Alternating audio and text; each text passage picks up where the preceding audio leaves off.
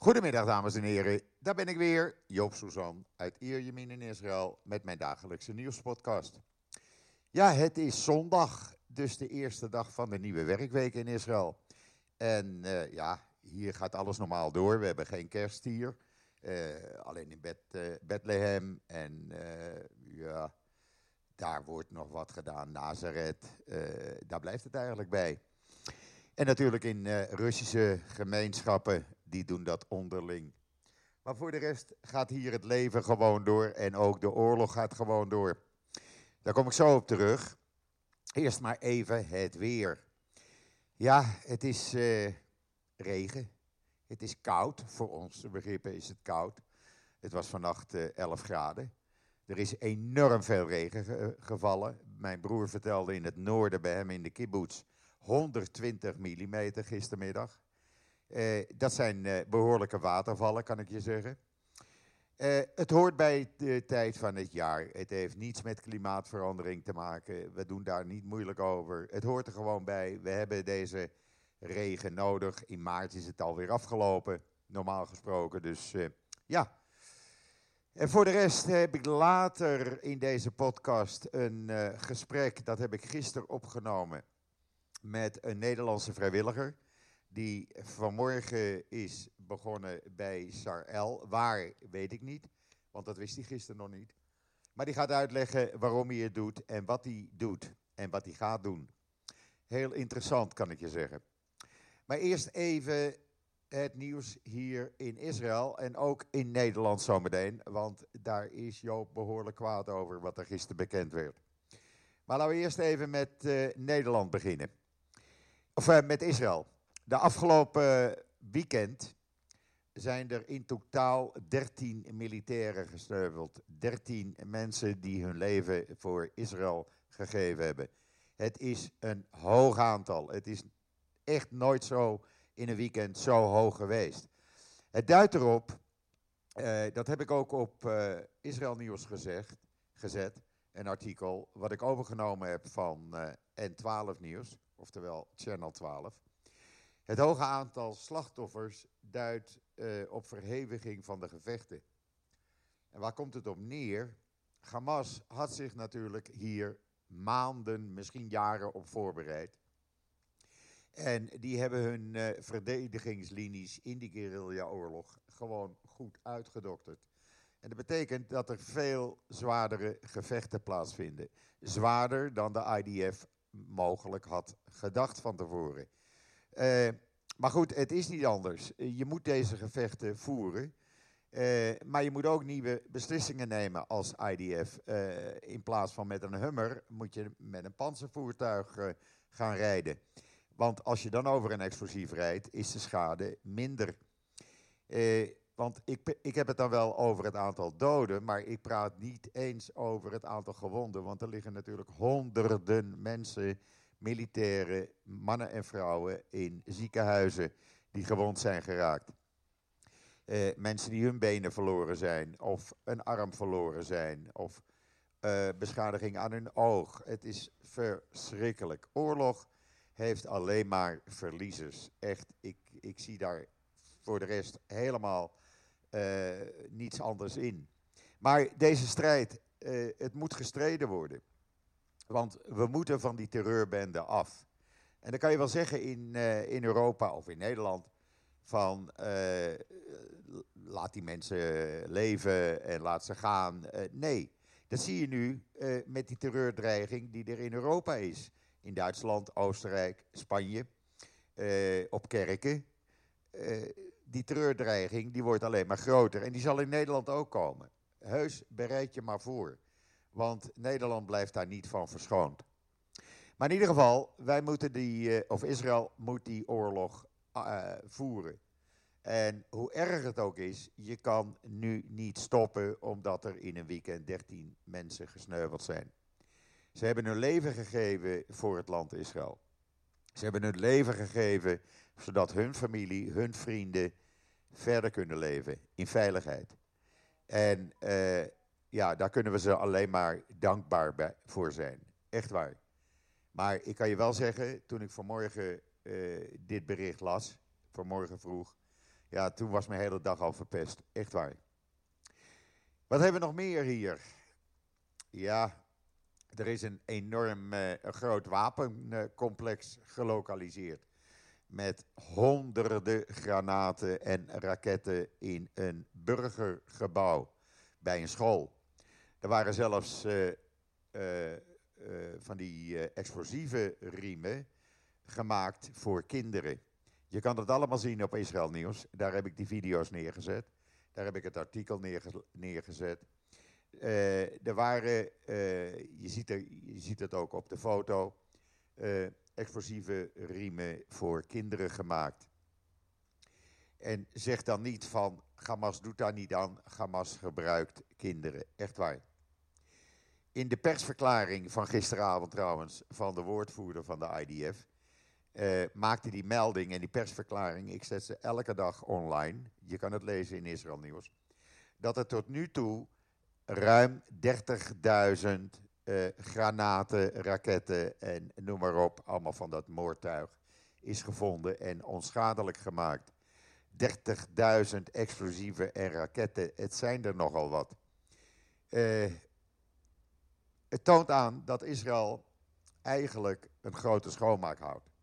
En dat moet gewoon gebeuren. Want doen we het niet, ja, dan wordt de ellende alleen nog maar groter en groter. Uh, daarnaast heb ik een artikel, ik mag die artikelen overnemen van een van de bekendste journalisten in Israël, Barak Ravid. En die had een uh, artikel geplaatst, ik heb het gewoon integraal vertaald. Het mag er verder ook niet aan de stijl iets aan veranderen. Dus met alle links staat het op Israël Nieuws. Een republikeinse en een democratische senator hebben president Biden gevraagd om Qatar onder druk te zetten, zodat er een nieuwe gijzelingsovereenkomst komt. Een overeenkomst waarbij de resterende 129 gijzelaars worden vrijgelaten. Als het er nog 129 zijn. Want gisteren heeft Hamas gezegd dat ze met een van die terreurgroepen een nieuwe gijzelingsovereenkomst komt. Een overeenkomst waarbij de resterende 129 gijzelaars worden vrijgelaten. Als het er nog 129 zijn. Want gisteren heeft Hamas gezegd dat ze met een van die terreurgroepen, die vijf gijzelaars eh, in handen hadden, of hebben, geen contact meer uh, kunnen krijgen. Het zou kunnen betekenen dat ze geen contact willen hebben. Het kan ook betekenen daar is Hamas dan heel snel mee, dat ze weggebombardeerd zijn door de, door de Israëlische luchtmacht. Ik weet niet wat daarvan waar is. Ik neem het voor kennisgeving aan. We hebben er helemaal geen bewijs van uh, dat de gijzelaars geraakt zouden zijn. Maar goed, het zou kunnen. Het zou kunnen. En dat zou weer een enorm dieptepunt zijn. Maar lees dat artikel. Het is een heel interessant artikel wat hij geplaatst had in Axios. Hij werkt niet alleen nu voor Axios, hij is ook nu uh, commentator voor CNN Nieuws geworden. Hij zit voorlopig in Amerika vanwege de verkiezingen volgend jaar. Maar Barack Ravid, ik ben er heel trots op dat ik zijn artikelen integraal mag overnemen. Dus ga het lezen op israelnieuws.nl. Dan mis je niks, laat ik het zo maar zeggen. Ja, en dan kwam gisteren het nieuws naar buiten dat Holocaust-overlevenden en het Nederlands Auschwitz-comité tot diep in de jaren 80 gevolgd zijn door de Binnenlandse Veiligheidsdienst, die tegenwoordig AIVD, AIVD heet. AIVD, de Binnenlandse Veiligheidsdienst, heeft, had gewoon iemand zitten in het bestuur van uh, het Auschwitz-comité. Kan je dat voorstellen? Ze vertrouwden de Joden die uit de concentratiekampen terugkwamen, met name de Joodse Amsterdammers, vertrouwden ze niet. En waarom vertrouwden ze ze niet? Omdat ze dachten, nou, die zullen wel uh, communist gaan worden. En wij moeten waken voor het communistische uh, regime. Dat willen wij niet in Nederland. Dus dan ga je de Joden die uit de concentratiekampen, die de hel van de concentratiekampen hebben overleefd, die ga je dus maar spioneren. Het was zelfs zo erg dat als het uh, Auschwitz-comité uh, een reis organiseerde naar een van de kampen of naar Auschwitz toe, dat uh, het werd genoteerd op Schiphol wie er meegingen. Gewoon de namen werden doorgegeven aan de Binnenlandse Veiligheidsdienst. Als er een uh, bijeenkomst was van het Nederlandse Auschwitz-comité, werd er verslag van gedaan. Wat is er besproken? Wie waren er aanwezig? Welke bezoekers kwamen er bij die bijeenkomst?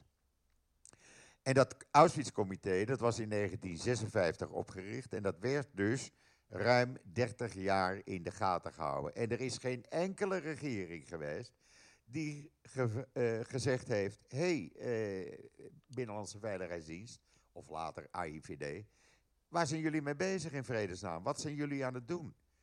Uh, waarom worden Joden bespioneerd? Want dat was het gewoon. Het, werd, het was gewoon spionage van Joden. Die infiltrant van de Binnenlandse Veiligheidsdienst, die deed ook verslag van de Holocaust-herdenkingen, zoals bijeenkomsten op de Nieuwe Oosterbegraafplaats in Amsterdam of in Kamp Westerbork in Drenthe. Wie waren erbij? Uh, wat werd er gesproken? Uh, wat voor, uh, wie waren de sprekers daar? alles werd doorgegeven. Het is niet te geloven. Ik heb daar geen woorden voor. Het was een onderzoek van het Parool met de wet op de openbaarheid. En ik heb daar een kort verslag van gemaakt, wat je terug kan lezen in uh, Israël Nieuws natuurlijk.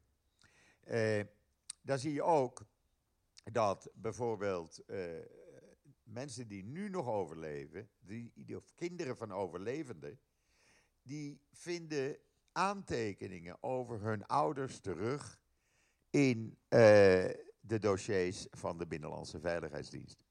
Dat is Nederland.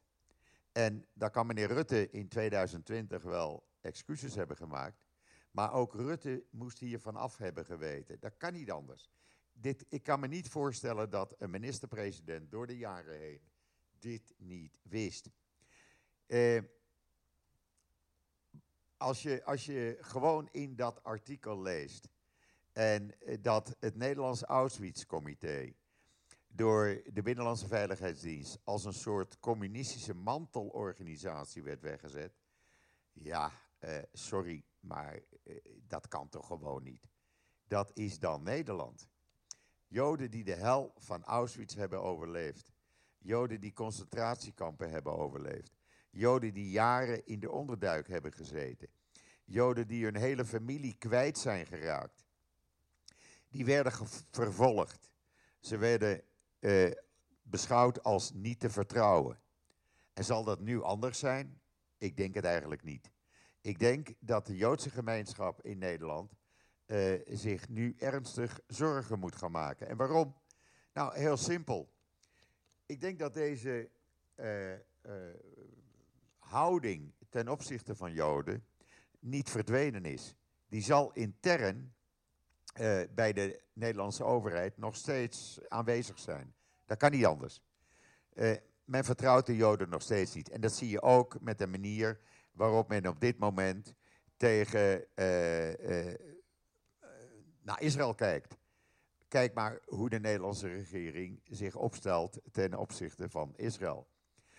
Ik denk dat ze liever hebben, zoals veel Europese regeringen en veel regeringen in de wereld, uh, ja, het zijn die vervelende Joden weer, die altijd maar voor last zorgen. Er worden in Afrika miljoenen mensen gedwongen te verhuizen. Er worden in Afghanistan worden mensen afgemaakt. ISIS verbrandt vrouwen levend.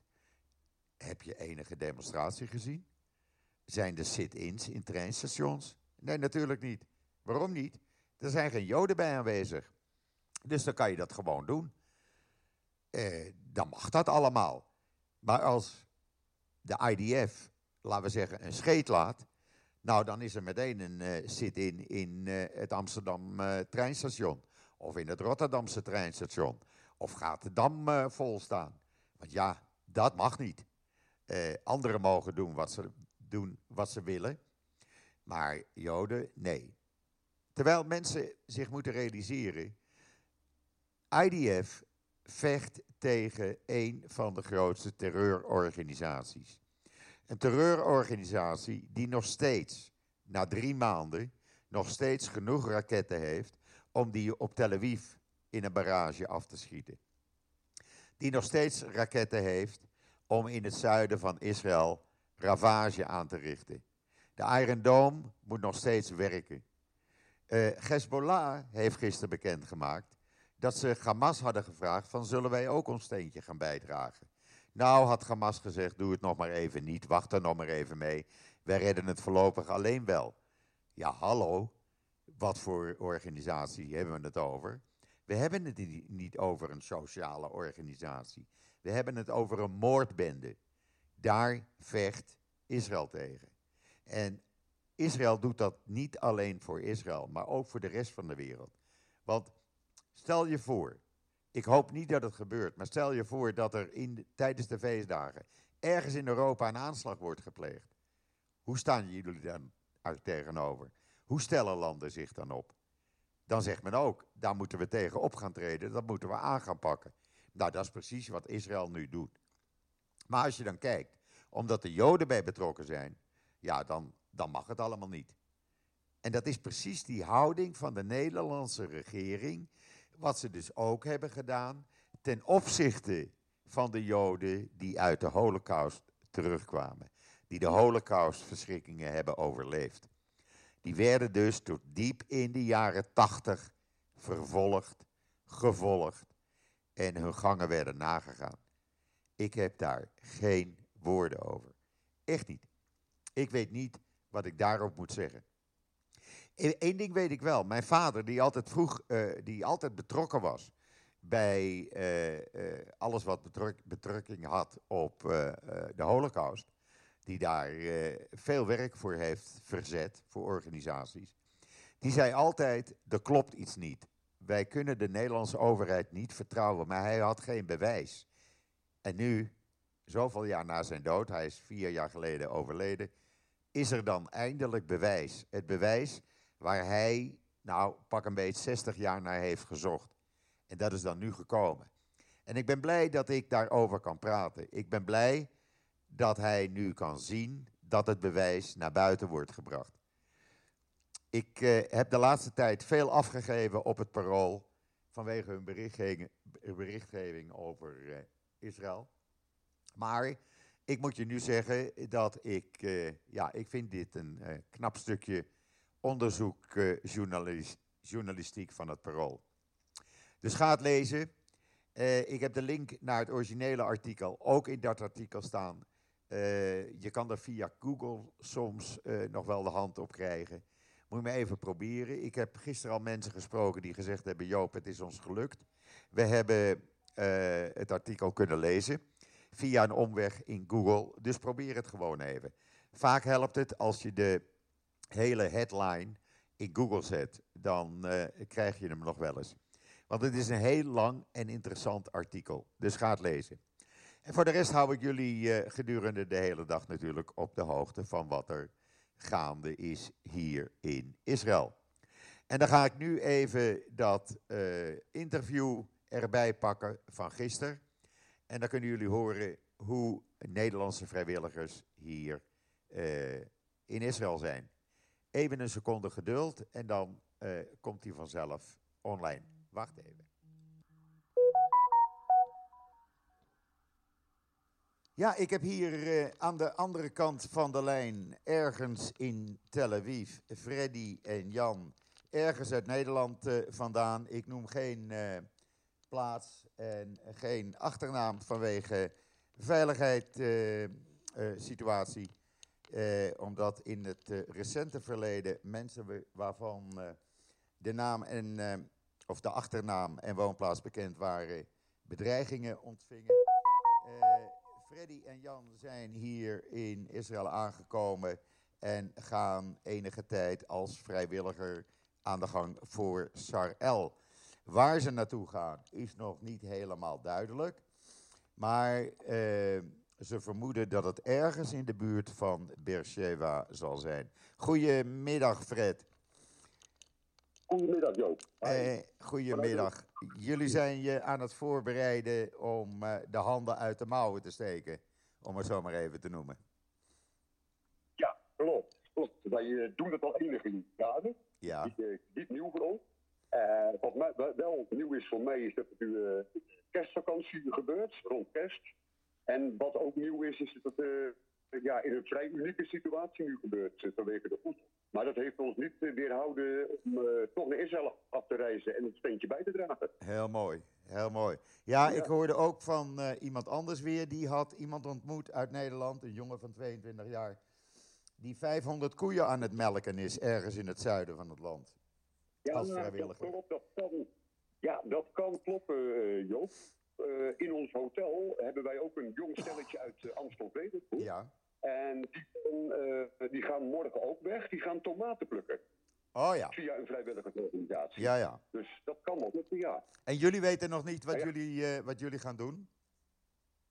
Nee, nee. nee in het eh, verleden eh, deden wij altijd bij SARL eh, onderhoudswerkzaamheden. Het Ja. repareren van, van, van onderdelen, schoonmaken van magazijnen. eh, ehm, ja, dat soort werkzaamheden, schilderwerk en dergelijke. Ja, ja.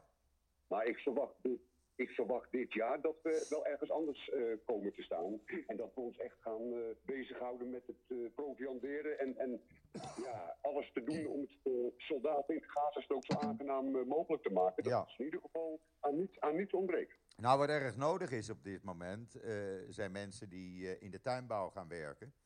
Of op de, Ja. in de kibbutzim, waar... Ja, er zijn natuurlijk ruim 300.000 eh, eh, reservisten opgeroepen. 360.000 om, om eh, eigenlijk precies te zijn. En dat betekent dat er op veel gebied mensen nodig zijn, vrijwilligers nodig zijn. Dus mensen zoals jij en Jan, ja, die zijn natuurlijk meer dan welkom hier in het land. Dat begrijp je. Ja, dat gevoel hebben wij ook hoor. Eh, eh, dat we worden, het wordt wel ontzettend gewaardeerd. Dat, dat kan je Ja, kan je absoluut. Absoluut. Ja, ja, Omdat het, eh, En, ja, niet alleen omdat het nodig is, maar het is altijd door de jaren heen zijn er natuurlijk vrijwilligers gekomen en gegaan. Maar nu met deze oorlog zijn jullie meer dan nodig. En ja, vandaar dat jullie overal met, met lof worden behandeld. Denk ik zomaar. Ja, absoluut. Absoluut. Nee, dat is waar, joh. En het SARL is ook eh, ontstaan in, in 1982 eh ten gevolge van de Libanon op. Ja, Waarin eh, zeg maar alle mannen eh, aan het front waren. Ja, en er vervolgens eh, eh, tekort aan arbeidskrachten ontstond in Israël. ja, En eh, op grond daarvan eh, is eigenlijk, mede daarom is daar echt in het leven ja, ja. Ja, ik heb daar enige tijd geleden aandacht aan besteed in israelnieuws.nl. Daar kan je het eh, terugvinden onder, als je gaat zoeken op vrijwilligers, dan krijg je een artikel met een 10, 12 eh, vrijwilligersorganisaties. En SAR-L Ja, met name kan je natuurlijk, het zijn twee woorden, SAR-L, EL, eh, Ja. S-A-R, ik zal het spellen, S-A-R, eh, als je dat zoekt op, eh, op Google, dan kom je er ook. En ja, dan, Ja. dan word je helemaal verzorgd, hè? Want jullie worden opgehaald morgenochtend, begrijp ik. Ja, ja, ja, we worden morgen op het vliegveld worden opgepikt. Ja, vorige, week, vorige week hadden ze een groep van 300 man, Jan. Ja, wordt dus nu 300 man. Zo. En dat verwacht ik eigenlijk morgen ook. Ja. Ja. dat is best veel. En eh, die worden dan eh, verdeeld eh, in de mail die ik gekregen heb van de organisatie. We worden verdeeld waar, de, waar zeg maar, het, het meest nodig is. In overleg met het IDF. Waar, waar we nodig zijn, worden we verdeeld. En dat krijgen we morgen te horen. ja, ja. En, Dus ja, het- dan gaan we in, in, touring, in een touringcar zeg maar, naar de basis. ja. En dan, dan is het morgenmiddag al gelijk aan de bak. Dus morgenochtend verzamelen en uh, transport naar de basis. En morgenmiddag al aan het werk. En er wordt ook eh, gezorgd voor overnachting en eh, maaltijden, et cetera. Ja, je hebt eh, recht op drie kostere maaltijden per dag. Ja, En een slaapplaats inderdaad, dat is, dat is op de basis. Je, je slaapt en verblijft tussen de militairen. Dat is Ja. ook wel leuk. Ja, dat vond ik altijd wel heel erg leuk om met de militairen in contact te komen. ja. En dat zal ook deze week zo zijn. Aha. En, maar ja, alleen de aard van de werkzaamheden, eh, ja, dat zal anders zijn dan, eh, dan voorgaande jaren. Eh, om je een voorbeeldje te noemen, de dag voorheen bestond uit overdag werken. En s s'avonds hadden we vaak praatsessies om elkaar beter te leren kennen en over Israël te praten en dergelijke. Ik verwacht dat dit jaar de mogelijkheid er ook is om s'avonds door te werken. Ah, oké. Oké, ja, want er is natuurlijk veel, uh, zijn veel handen nodig op die militaire basissen. Dat, uh, dat is duidelijk. Ja. Uh, ja. En hoe lang, hoe, hoeveel jaar doe jij dat al? Ik had het er net met Jan over. Ik ben in 2015 ben ik begonnen. Oh, dat is best al lang. Ja, ik heb het niet elk jaar gedaan hoor Joop. Ik heb een paar jaar overgeslagen, ook met, met het over corona. Toen, toen werd het allemaal een beetje lastig. Ja. Maar uh, in 2015 ben ik ermee begonnen. En je ziet veel Nederlanders die daar uh, deel van uitmaken, die dat ja. ook doen? Ja. best veel Nederlanders ook. Die, uh, die het onderdeel van Sartel uitmaken. het leeuwendeel van de volunteers komt uit Amerika. Ja, ja. Ja, dat is logisch, een groot land. En ja, ja. ik denk dat het in Nederland eigenlijk niet zo bekend is, hè? Nee, nee, nog niet zozeer bekend eigenlijk. En, en ja, daarom deze podcast ook om het een beetje bekender te maken via jou. Ja, ja nou, ik werk daar. Ik zou meerdere Nederlanders... ik werk er graag aan mee. Ik werk er graag aan mee. Ja, dank, dankjewel. En dus, uh, want we, we hebben jullie nodig, om het zo maar te zeggen. Ja, ja. Ja, toch? Dus nee, we gaan ons best doen en... Uh, en ieder klein beetje wat we kunnen helpen, dat doen we. Ik ja, ja. zelf kom in mei weer terug. In mei kom ik weer terug voor uh, Tarel. Dus dan ga ik uh, weer vrijwilligerswerk voor ze verrichten. Maar jij gaat en niet in de, jullie, jullie gaan niet in de land- en tuinbouw dus? Alleen maar zuiver militair inpakwerk en sorteerwerk en, en al dat soort dingen? Niet in de land- en tuinbouw, uitsluitend op een militaire basis worden te werk gesteld. Ja, ja. Ja, want er zijn natuurlijk ook organisaties, dat kan je ook lezen in dat artikel wat ik in de tijd uh, geschreven heb. Uh, en wat ja. nog online staat. Dat je dus in de land de tuinbouw tomaten kan gaan plukken bijvoorbeeld. Koeien kan ja. gaan melken, noem maar op, van alles en nog wat. Want jullie hebben ook een, een jong stel ja. ontmoet, hè? begrijp ik. Ja, uit, uit de Amsterdam probleem Wacht even, je valt, je valt even weg. Je valt even weg. Misschien, misschien moet je ergens anders staan. Ja, zo is beter. Ah, oké, okay, ik ben even gaan staan. Ja, um, ja ben super gemotiveerd. En die gaan in de land- en tuinbouw werken. En die krijgen ook morgen te horen uh, uh, ja, waar ze heen gaan. Uh, ze hebben daar een contactpersoon ook leren kennen. Ja. En die neemt contact met ze op. En die gaan, die gaan morgen ander vrijwilligerswerk doen. Ja, ja. Ja, ja. Dus, maar goed, wat je ook doet, uh, uh, alle kleine beetjes helpen, lijkt Ja, mij. want ik hoorde gisteren van iemand die had een jongen van 22 jaar uit Nederland ontmoet. Uh, die wat ervaring had op boerderijen. En die, oh, zo, ja. die is 500 koeien aan het melken, ja, met een melkmachine. Maar daar werkt hij dan drie keer per dag aan mee. En dat is zijn klus. En hij vindt het fantastisch. Ja. Hij zou niets, ja, niets anders willen. Ja, oké. Okay. Oh, dat is wel, ja, nee, dat is wel helemaal enthousiast als je niets anders meer wilt. Maar uh, ja, ik neem aan dat de, de eigenaar van de boerderij uh, aan het front zit en dat hij dan de. de, de nou, de het is een, nee, het is een van de boerderijen in het zuiden die getroffen zijn. En daar zijn, daar zijn de mensen natuurlijk weg, want die kunnen daar niet meer ja. wonen. Maar die koeien, die kan je niet oh, zomaar ja. verplaatsen. He, er zijn boerderijen met 500 koeien, met 800 koeien, met, met 300 koeien. Ja, die koeien kan je niet even ergens anders neerzetten. Dus die blijven daar. En die moeten wel verzorgd worden de hele dag door. En dat is dan wat vrijwilligers doen. Samen met de mensen die voorheen de koeien verzorgden. Maar nu ergens anders ja. wonen. En uh, ja. dan word je wel beschermd door, uh, door het leger. Uh, omdat het natuurlijk in het zuiden is en je dus rekening moet houden met raketten die neer kunnen vallen. Uh, dus je wordt ja. wel aan alle kanten beschermd. Maar je verzorgt wel als vrijwilliger die, die koeien dus. Ja.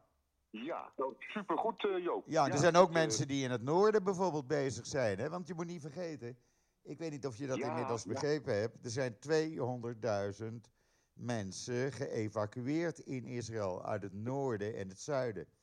Dat betekent. Ik heb het meegekregen. Ja, mensen die uh, langs de noordgrens wonen. En mensen die in het zuiden woonden. ja, die eh, wonen nu allemaal eh, in hotels door het hele land, eh, bij de Dode Zee, in het centrum van het land. Eh, en die, eh, ja, die zijn even hun plekje kwijt. En die kunnen niet terug voorlopig. En dat is natuurlijk heel triest. Ja, zeker. Heel triest. Ja. Ja, in ons hotel zitten ook wat gezinnetjes, eh, hebben we inmiddels ontdekt, die Ja. hier ook eh, tijdelijk verblijven. Ja, zie je, dat zullen ja. waarschijnlijk mensen uit het zuiden zijn. Eh, Ja, Moet je ja, maar eens even, moet je maar even gaan vragen met ze. Ja, nou, ik ging bespraken net ook een meneer eh, die uit het zuiden kwam en eh, eh, hier met zijn familie zit. Ja, En, ja. ja, die, die is ook eh, ja, tijdelijk hier eh, gehuisvest, eh, Joop. Ja, ik kan je zeggen, dat is geen pretje hoor. Nee, helemaal niet. Nee. Oost, West, Thuis, Best. We willen, willen allemaal ons eigen huisje. Je zit niet te wachten om eh, een aantal weken in een hotel te gaan wonen. Nou, dat is al bijna twee maanden. Of ruim twee maanden. Ja, en die mensen zijn echt huis en haard kwijt. Want de mensen Ja. uit het zuiden van Israël, eh, de meeste kibbutzim dicht bij eh, de grens met Gaza, eh, ja, die zijn totaal vernield. Die huizen zijn in de brand Ja, gestoken en het is gewoon vernield. En als ze die in de brand gestoken zijn, dan zijn ze wel kort en klein geslagen. En alles is gestolen. Je bent al je bezittingen kwijt. Dat is gewoon meegenomen Ja, naar Gaza. Ja, ja beestachtig, Joop. Ik, eh, ik heb de beelden gezien en ja, het, blijft nog steeds op je netvlies. Het is onvoorstelbaar. Het is er verschrikkelijk. Het is verschrikkelijk. Het Ja. is echt te verschrikkelijk. En Ja, eh, er komt nog steeds nieuws naar buiten over wat er toen op 7 oktober gebeurd is. Eh, het blijken niet alleen eh Hamas-leden te zijn geweest of Islamic Jihad-terroristen. Het zijn ook gewone burgers geweest die dachten van... hé, hey, weet je wat, nu kunnen wij even die huizen leeg gaan roven. Alles wat we kunnen gebruiken, gebruiken we, nemen we mee. Neem we even mee, ja. Klopt, klopt. Maar er zijn toch ook journalisten gespot die bij, eh, bij het geheel betrokken waren, Joop? Ja, ja, ja. Zogenaamd journalisten, maar dit waren gewoon Ja. eh, eh, Hamas-leden. Ja, klopt. Die dood, doodleuk even aan het filmen waren. Ja, ja die, eh, die mochten, mochten mee met Hamas. Ja, ja. Nee, ik, eh, ik, ja, ik, ik ervan wat er gebeurt. Maar ja, eh, en nu Israël terugslaat, nu staat de wereld in brand, hè? Want Nu staat de wereld in brand, dat mag, dat mag niet. Ja. Nee. Nee, nee. nee, je mag niet Nee. terugslaan. Je moet je gewoon laten uitmoorden. Nou, dat doen we dus even niet. Nee, dat lijkt me ook niet, nee. Dat, Nee, want het plan, ja, het plan van Hamas was om de, naar Tel Aviv op te trekken. Dat was het Ja, plan van ja, Hamas. zo. Ja. Ja, ja, moet je nagaan. Ja, Ja. ja het is, het is eh, wat dat betreft nog eh, eh, relatief goed afgelopen. Relatief, begrijp me niet verkeerd. Nou, Maar, ruim, 12, ja, als ruim dat- 1200 doden. En 250 Ja, ja. eh, gegijzelden. Ja, ja, Het is nogal wat. ja, inderdaad. Ja, als ze natuurlijk inderdaad het plan wat ze hadden, hadden kunnen waarmaken naar Tel Aviv opgenomen, ja, dan had de, de chaos nog groter geweest, joh. Ja, absoluut. Je, Absoluut. moet er niet, je moet er niet aan denken. Je Nee, moet er niet aan het is gelukkig niet Maar- gebeurd. Ja, En het gaat Ik ook heb, niet eh, gebeuren. vlak- Ja, vla- vlak na eh, eh, eh, 7 oktober ook een aantal mensen in Israël gesproken en contact met ze gezocht. Maar een rode lijn in, in, in hun verontwaardiging is wel van hoe heeft dit kunnen gebeuren? Ja. We baanden ons allemaal veilig. Ja. Shin Bet en Moskou hielden het in de gaten. Ja, Eh, en eh, ja, daar, daar, daar, daar vertrouwden we volledig op. En dan toch gaat het fout. En Ja. zo'n beetje ook. En dat was voor, voor mij ook wel een schok, Joop. Eh, ja, hoe heeft het kunnen gebeuren? Ja. Daar ben ik wel even stil van. dat begrijpt, dat begrijpt niemand. maar dat is een hoofdstuk voor na de oorlog. Absoluut. Absoluut. moet eerst dit, ja. dit moet afgehandeld zijn. En daarna zien we ja, de verantwoordelijke. En een aantal mensen iets uit te leggen, denk ik. En, en, Een heleboel eh, uit te leggen. dat- een heleboel uit te Ja, leggen. absoluut. Ja. Dat geldt net, dat, het- hetzelfde eh, geldt voor de hervormingen natuurlijk. Eh, het was het al een hele tijd onrustig in Israël. Daar heb ik in april ook nog wat van meegekregen met de demonstraties. Ja, Ja, ook dat is gelukkig nu even in de ijskast gezet. Hè. Eerst het land verdedigen. Ja. Je moet natuurlijk wel een land hebben om over democratie te kunnen praten. Israël is nu één. Israël is nu één. Er is geen verdeeldheid. En we zorgen nu Nee. Dat, we, eh, ja, dat we weer veilig zijn. Daar gaat het om. Ja, dat is prioriteit nummer één. En dan gaan we praten over hoe we het land inrichten. Maar we moeten eerst het land verdedigen. En, Eerst en dan- verdedigen. eh, Dan Precies. pas over de inrichting. Ja, Precies. Je kan praten wat je wil. Als er geen land meer is, dan, eh, dan kunnen we het nergens meer over hebben. Nee, precies. Daarom. Dus daarom gaan we dat ook eerst regelen. En daar zijn we nu druk mee bezig. Ja, En dat, zal je, dat zal je de komende tijd wel merken, ook als volunteer, als vrijwilliger. Dus, ja, eh, ja. oké. Ja, maar we, hebben er alle, we hebben er allebei zin in, Joop. En, eh, Ik vind het eh, geweldig. Ik vind het fantastisch. Alle waardering voor jullie, dat meen ik serieus. Ja. En ik weet van alle luisteraars krijg je alle waardering gedaan, mee. man. En nogmaals, hebben jullie interesse in vrijwilligerswerk? Kijk eventjes op israelnieuws.nl, zoek onder vrijwilliger. En ga anders rechtstreeks naar SARL. S-A-R-E-L. Ja. Oké, ik wens jullie heel veel succes. Dank je, Joop. Jij hartstikke bedankt voor je tijd. En eh, eh, eh, nou, ik laat jou sowieso de komende week nog even weten. We blijven even in contact. Ja, we blijven even in contact. Ja. En eh, ja, al jouw luisteraars de groeten vanuit Tel Aviv van eh, Jan en van mij. Ja. En eh, nou, heel fijn dat we even in jouw podcast En we spreken elkaar snel weer. Dankjewel, Freddy. Dankjewel, zeker weten. Oké. Joop, het gaat je goed en tot, tot snel hè. Dank je, tot snel. Bye bye. Doei. Bye. Hoi. Hoi. Ja, dat was Freddy met zijn verhaal. En nogmaals, ik heb er alle respect voor.